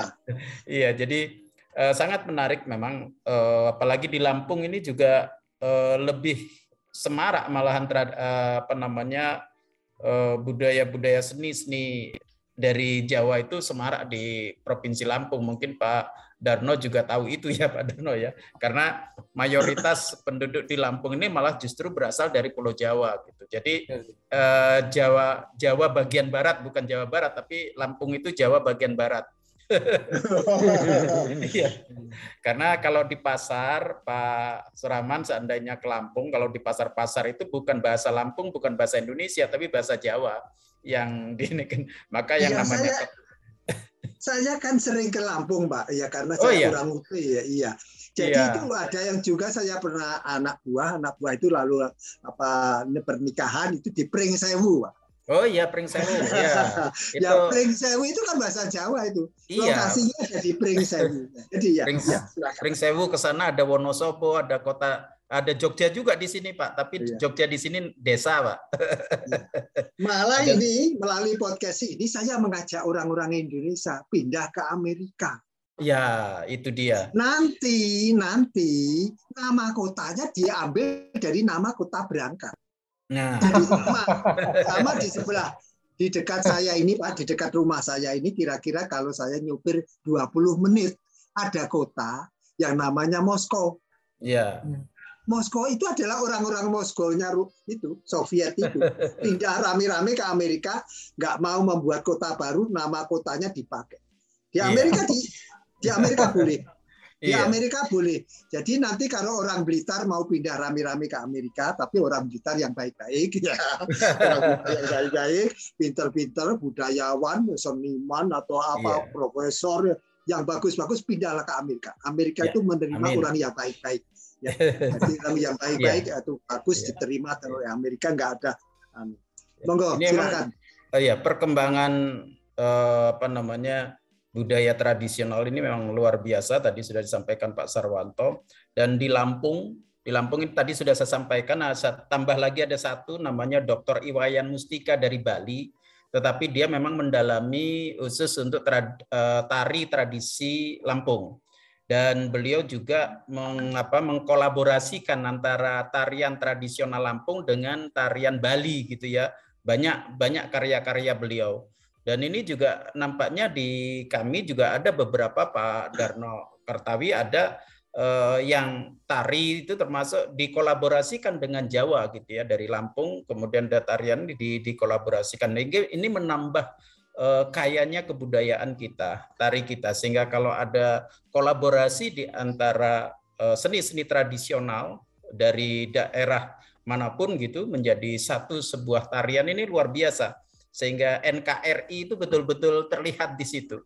Dan kalau di Lampung, mungkin kalau di Jawa namanya gamelan, tapi kalau akan akan berbeda dengan gamolan, Pak. Kalau gamolan itu eh, mungkin Pak Darno juga mempelajari, Pak ya gamolan, ya gamolan peking namanya, ya atau atau biasa juga dikenal dengan eh, gamolan cetik itu ya. Itu yang terbuat dari bambu, Pak, yang terbuat dari bambu. Ini adalah alat musik tradisional khas Lampung gitu yang terbuat dari bambu biasanya eh, di situ berbentuk lempengan ada delapan lempengan bambu yang disusun kalau kalau di Jawa kan itu dari logam Pak ya dari logam. Kalau Lampung dari bambu yang dipukul gitu eh, yang dipukul. Jadi di, di, di Lampung namanya gamelan dari bambu ada delapan lempengan. Eh, biasanya nadanya nadanya itu kisaran lebih dari satu oktav gitu Ya nanti Pak Pak Darno lebih paham karena saya bukan orang seni tapi itu yang yang saya ketahui. Yang saya ketahui uh, lebih dari satu oktav gitu ya ada uh, uh, nadanya gitu dari gamelan. Dan ini ini nampaknya uh, saya sering melihat teman-teman mengkolaborasikan dengan musik Jawa kemudian dikolaborasikan dengan musik Bali uh, uh, uh, apa namanya musik musik tradisional Bali itu sangat bagus sekali gitu ya. Waduh sangat luar biasa dan nampak eh, ada sesuatu yang baru gitu. Saya kira ini juga eh, satu kolaborasi. Mungkin nanti kalau Pak Wayan Mustika tarian yang pemerhati dan sekaligus eh, mendalami penelitian-penelitiannya di bidang tarian eh, Lampung, tarian tradisional Lampung dan Bali, mungkin nanti juga kalau di podcast ini mungkin juga mungkin Pak Darno bisa komunikasi, kemudian Pak Wayan, eh, Pak Hasim Kan ya, Pak Hasim kan SSN, MSN itu juga yang apa eh, banyak berbicara tentang gamelan, gamelan Lampung. Mungkin Pak Darno tahu ya, ya Pak Darno ya, mungkin tahu sering, sering Pak Hasim. Iya, sering ketemu ya Pak ya. Saya iya. berteman. Ya. Oh berteman, oh malah malah berteman ya. Tadi sudah saya rekomendasikan dengan Pak Demyati supaya diundang juga di podcast ini. Kebetulan iya, kawan Pak iya. Darno Pak, jadi bisa oh, kolaborasi. Iya, iya, oke oke oke. Sebentar iya. lagi. Sebentar iya, lagi. nanti Kita juga tentang ngatur waktu aja. Iya. tentang aksara Lampung tadi juga sudah. Kita juga ternyata Lampung itu juga punya aksara tersendiri Pak jadi kalau di Jawa itu ada Hono Coroko, di Lampung juga ada tuli, uh, aksara Lampung seperti tulisan Arab tulisannya. Jadi nanti itu yang yang itu bisa uh, lebih huruf didalami. Seperti huruf pego itu, itu. Huruf yang Arab. Iya, iya. Ya, huruf Arab yang pego itu. Betul, betul. Nanti bisa didalami ketika oleh Bu Dr. Farida Aryani. Ya, Bu Dr. Farida Aryani sangat sangat menggeluti di bahasa dan aksara Lampung. Jadi saya kira ini podcast yang sangat eh, luar biasa, Pak, menggali potensi budaya seni tradisional eh, NKRI sehingga ini bisa kita seluruh Indonesia. Ini ya. benar-benar saya serius. Betul. Teman-teman dari Banda Aceh, nanti nah, dari Medan, ya. dari Batak, ya itu yang budaya apa pun silakan ya. Karena ya. kita budaya kita ini luas sekali. Belum ada negara di dunia itu sehebat Indonesia. No. Nanti Belum bisa ada. di bisa diperkenalkan di mancanegara di seluruh dunia. Iya, ini, iya. Makanya ini nanti orang-orang baiknya, orang-orang baiknya satu kelompok keliling Amerika. Oh, Tapi iya. kalau keliling ya. jangan jangan hanya seminggu dua minggu, kalau perlu setahun, gitu loh, setahun. Ya memang anu Pak Pak Surahman, eh, tahun yang lalu kami memang menganggarkan ya, menganggarkan uh, uh, pernah uh, dengan uh, Prancis gitu ya dengan kami ada atase pendidikan di Prancis itu kan kebetulan orang Unila gitu. Itu biaya di sana ditanggung oleh biaya oleh oleh Prancis gitu biaya selama di sana tapi transportnya biaya dari kita. Kita sudah nyiapkan tapi terus terbentur pandemi itu untuk untuk pandemi, mengenalkan ya. gamelan Lampung iya iya ini ya, mudah ini banyak ya banyak yang bisa kita kolaborasikan betul, betul. Pak Sunyono ya saya dulu itu kan juga merintis yang namanya gifted education sejak 2007 ya. tapi sampai sekarang kok nggak berhasil padahal Amerika menunggu kapan hmm. ini Indonesia mulai padahal saya ya. lah yang dulu tahun 2007 terpilih satu-satunya dari Indonesia usulan saya gifted education untuk Indonesia. Itu tahun 2007 dan satu-satunya yang menang saya. Dan saya berangkatlah ke Amerika. Dari situ terus saya aduh kembali itu saya merancang betul-betul tahun 2011 saya ke Amerika lagi pak. Itu eh, empat bulan iya, di iya, Amerika. Iya. itu nulis modulnya tapi sampai sekarang tidak ada respon. Satupun universitas. Gimana ini ya dianggap tidak menguntungkan nah melalui ini siapa kampus mana yang mau, saya akan atur. Ya, saya atur. Gak ya. usah banyak-banyak. Kalau satu universitas itu ada empat saja. Empat ini berangkat ke Amerika. Di sini tuh insya Allah kita atur. Ya, ya. jadi tadi mungkin hanya biaya berangkat saja. Nanti kita atur. Di sini kita atur. Kalau berangkat itu Pak, jangan lupa keluarga di bawah semua. Itu tipnya Pak. Ya. Tipnya. Kalau berangkat jangan satu minggu dua minggu. Kalau perlu setahun dua tahun. Begitu loh. Kenapa? Nanti kalau punya putra putri itu nanti kalau punya putra putri ada tiga sekolah semuanya di Amerika gratis. Loh. Kalau bapak punya istri nggak apa-apa istrinya di bapak juga. Loh ini kerja ya nanti diaturlah belakang. Di sini pun bisa bisa kerja di Amerika itu kerja pak bapak dilindungi ini legal jadi saya bicara begini ini, saya bukan memprovokasi.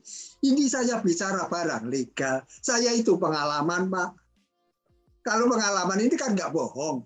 Loh saya ini seorang anu ya pegawai negeri dapat beasiswa ya saya ya ke, ke, ke dekan saya anu Pak apa kalau saya itu di Amerika itu cuma satu bulan dua bulan nggak apa-apa pak. Kalau tiga tahun saya lalu nggak membawa istri, saya nggak tahu pak dosa ini nanti apakah saya harus ngeret kepada pimpinan saya gitu loh. Jadi saya diplomasi gitu.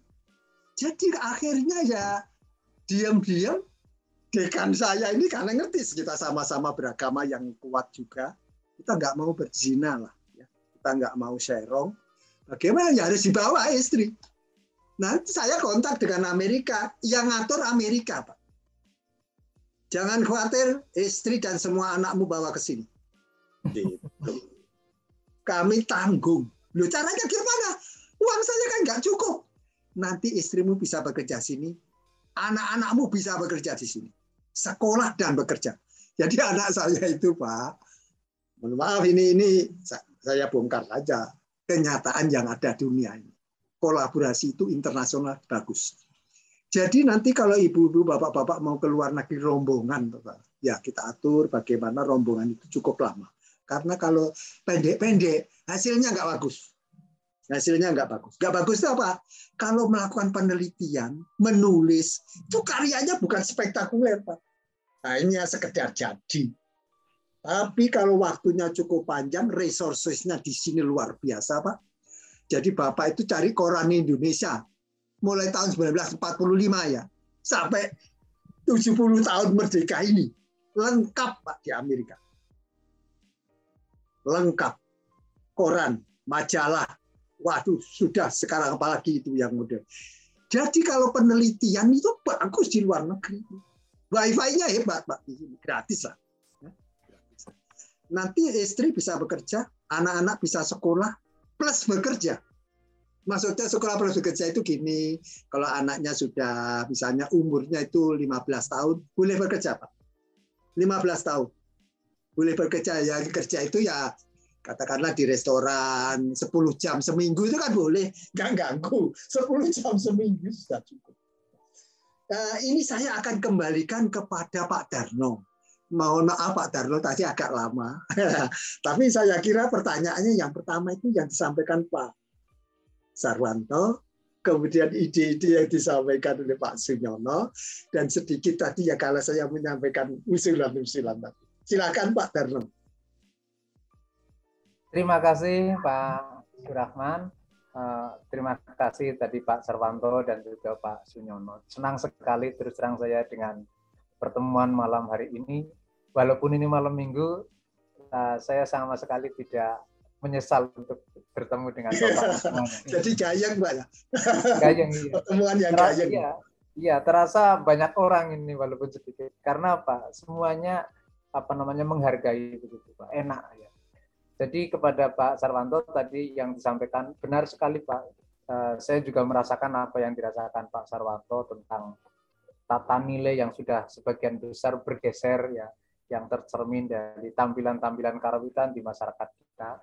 Maka dari itu peran perguruan tinggi seni itu sebetulnya mengkawal Pak agar apa namanya ya pergeserannya tidak terlalu jauh sehingga tetap nilai-nilai yang sebetulnya perlu dipertahankan dalam situasi zaman apa pun tetap terjaga.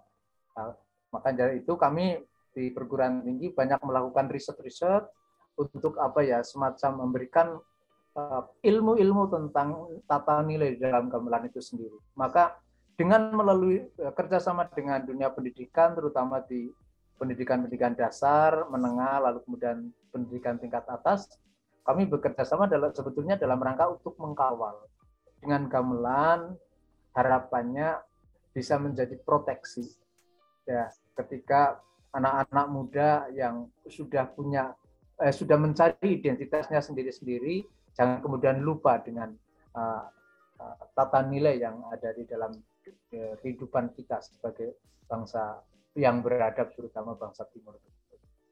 Lalu kemudian eh, apa yang disampaikan oleh Pak Sarwanto juga benar tentang eh, pergeseran-pergeseran tentang eh, sajian-sajian yang sebetulnya di dalam sajian gamelan itu ketika kaitannya dengan upacara-upacara adat itu ada ada apa namanya ya ada pasangan-pasangannya. Tadi Pak Sarwanto benar.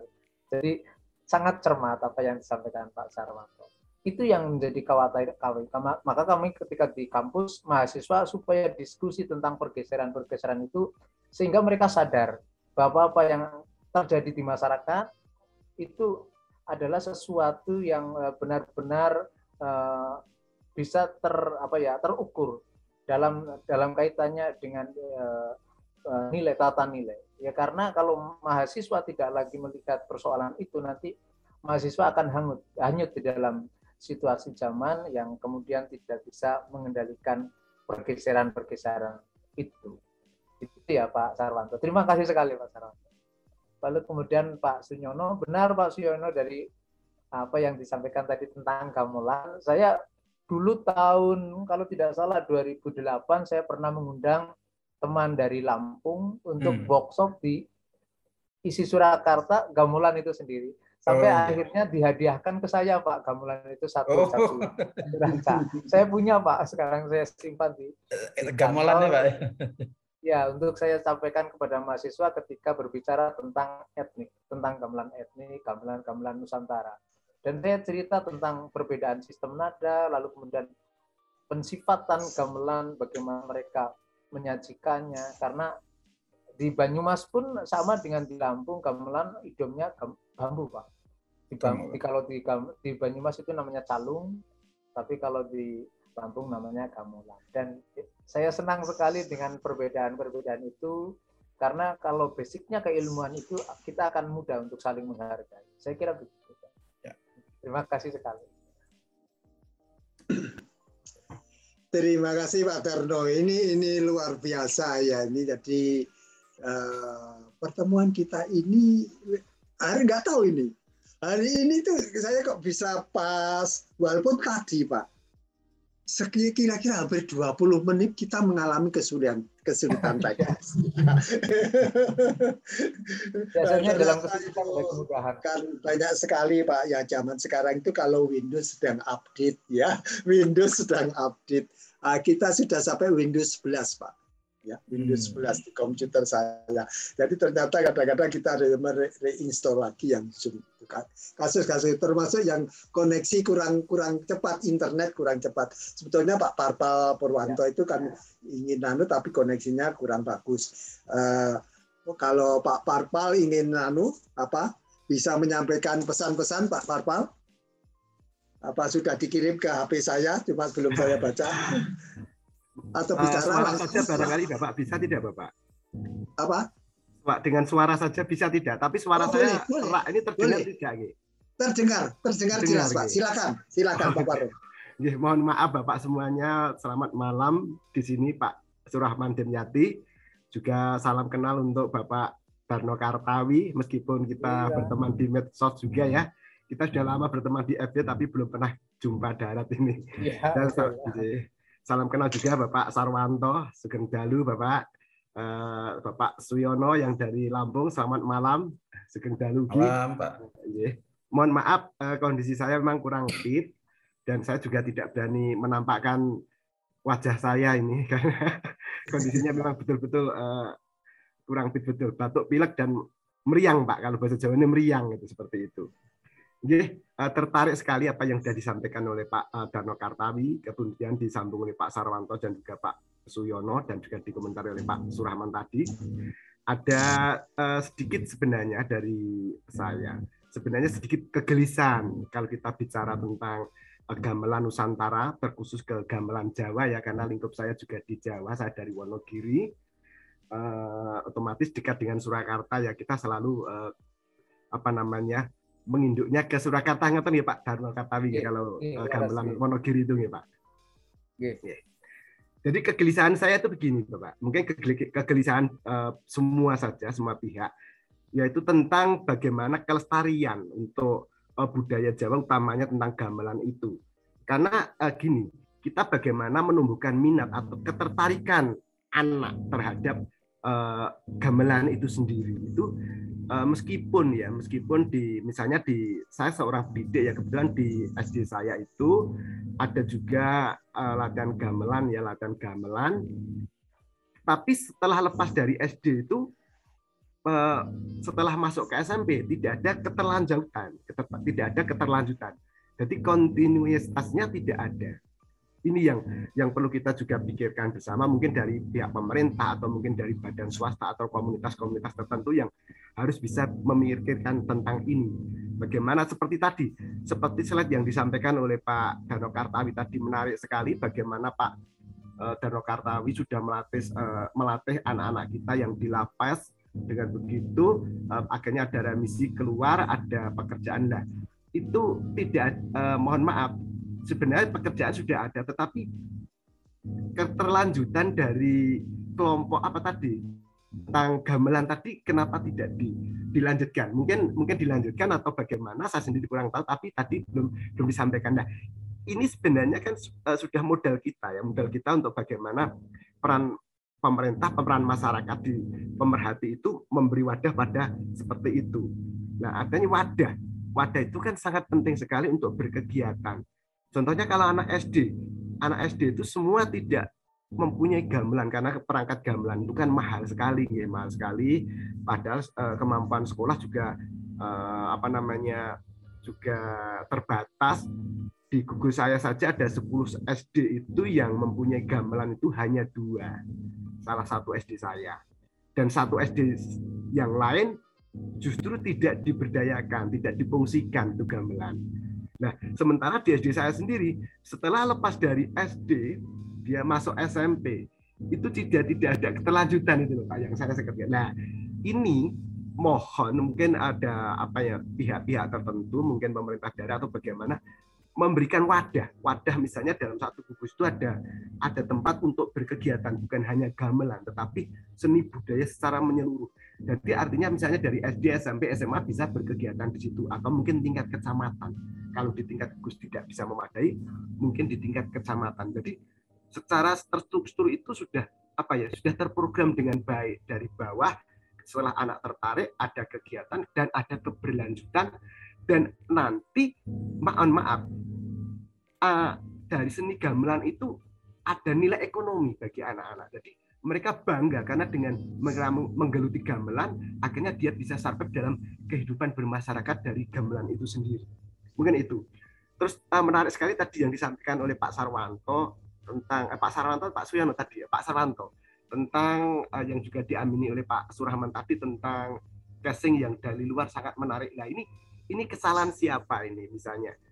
Kalau sebenarnya gini sewu, uh, kalau dari Paranggono atau uh, pesinden dari luar memang bagus, tetapi anak-anak kita sebenarnya banyak sekali yang tidak kalah bagusnya. Nah, apresiasi terhadap anak itu sendiri oleh orang-orang kita sendiri itu kurang.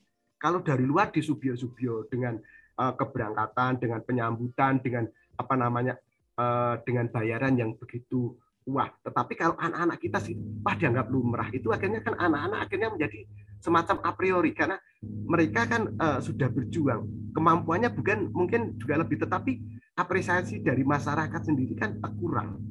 Nah, ini monggo, ini perlu dipecahkan mungkin Pak Denyanti mungkin bisa mempunyai apa namanya wawasan yang lebih uh, luas lagi ke sana untuk menyikapi hal ini. Saya rasa itu Pak Demianti, mohon uh, apa namanya, mohon maaf suara saya mungkin ya baru tidak enak didengar hari ini dan mungkin itu yang bisa saya sampaikan.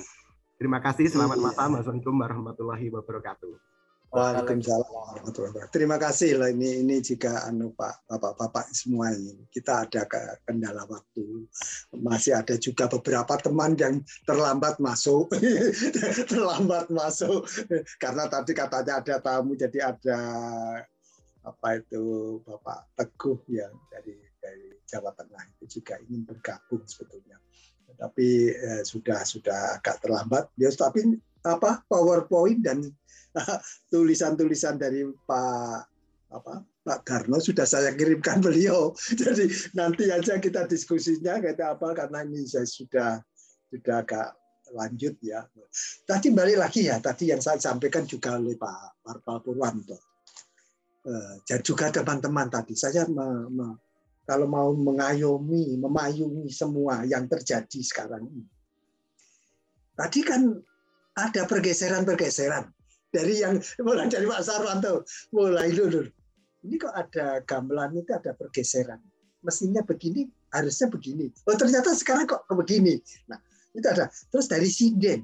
Sinden tadi duduknya loh ini kok malah berdiri malah goyang-goyang lagi. Nah terus gamelannya gimana kalau goyang-goyang ini tadi kemudian tadi masukan-masukan dari Pak Sunyono juga bahwa di Lampung sudah dikembangkan nah ini yang yang bagus jadi kita itu kalau perlu ada inovasi baru selain menggali, menggali lebih dalam, lebih dalam, lebih dalam, menyerapi bahkan tulisan-tulisan lama. Mohon maaf, banyak ternyata budayawan masa lama dulu kita itu sudah belum mempelajari, Mak.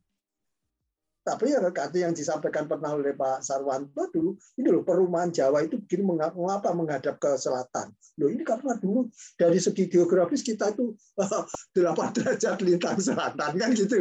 Nah ini kalau anak-anak muda itu, wah ini kok menghadap selatan ini gugon Tuhan, wah nggak masuk akal. Mungkin zaman ini jalannya jadi ada di depan rumah kok malah menghadap ke selatan. Nah, anak-anak ini nggak mikir itu logik itu kalau saintifik tadi disampaikan, baru mereka mikir. Lalu ternyata yang disampaikan dulu-dulu itu benar. Mau secara ilmu juga benar, mau kenikmatan benar, keselamatan benar. Jadi ini tadi apa? Ini salah siapa ini? Salah siapa? Kok sampai-sampai ini anak-anak ini ya jangan menyalahkan terus ya. Anak-anak disalahkan malah malah ngamuk tadi. Jadi kita akan mencari mencari sebabnya dengan anu tapi kita juga introspeksi. Kita ini kadang-kadang ketinggalan zaman jadi jujur saya itu sudah menganalisis. Hasil temuan saya itu akurat. Yang namanya guru. Kita kita ini kan guru. Dosen guru, dosen ini kadang-kadang pikirannya itu konservatif. Konservatif itu dia tidak mau inovasi baru. Kadang-kadang sampai-sampai itu dijelaskan. Kenapa kita perlu? Harus dijelaskan. Sama dengan anak muda. Kenapa HP kok nggak boleh? Ya HP boleh, tapi ini loh. Saya akan mengapa tidak boleh terlalu lama? Karena di dalam handphone itu ada frekuensi-frekuensi tinggi.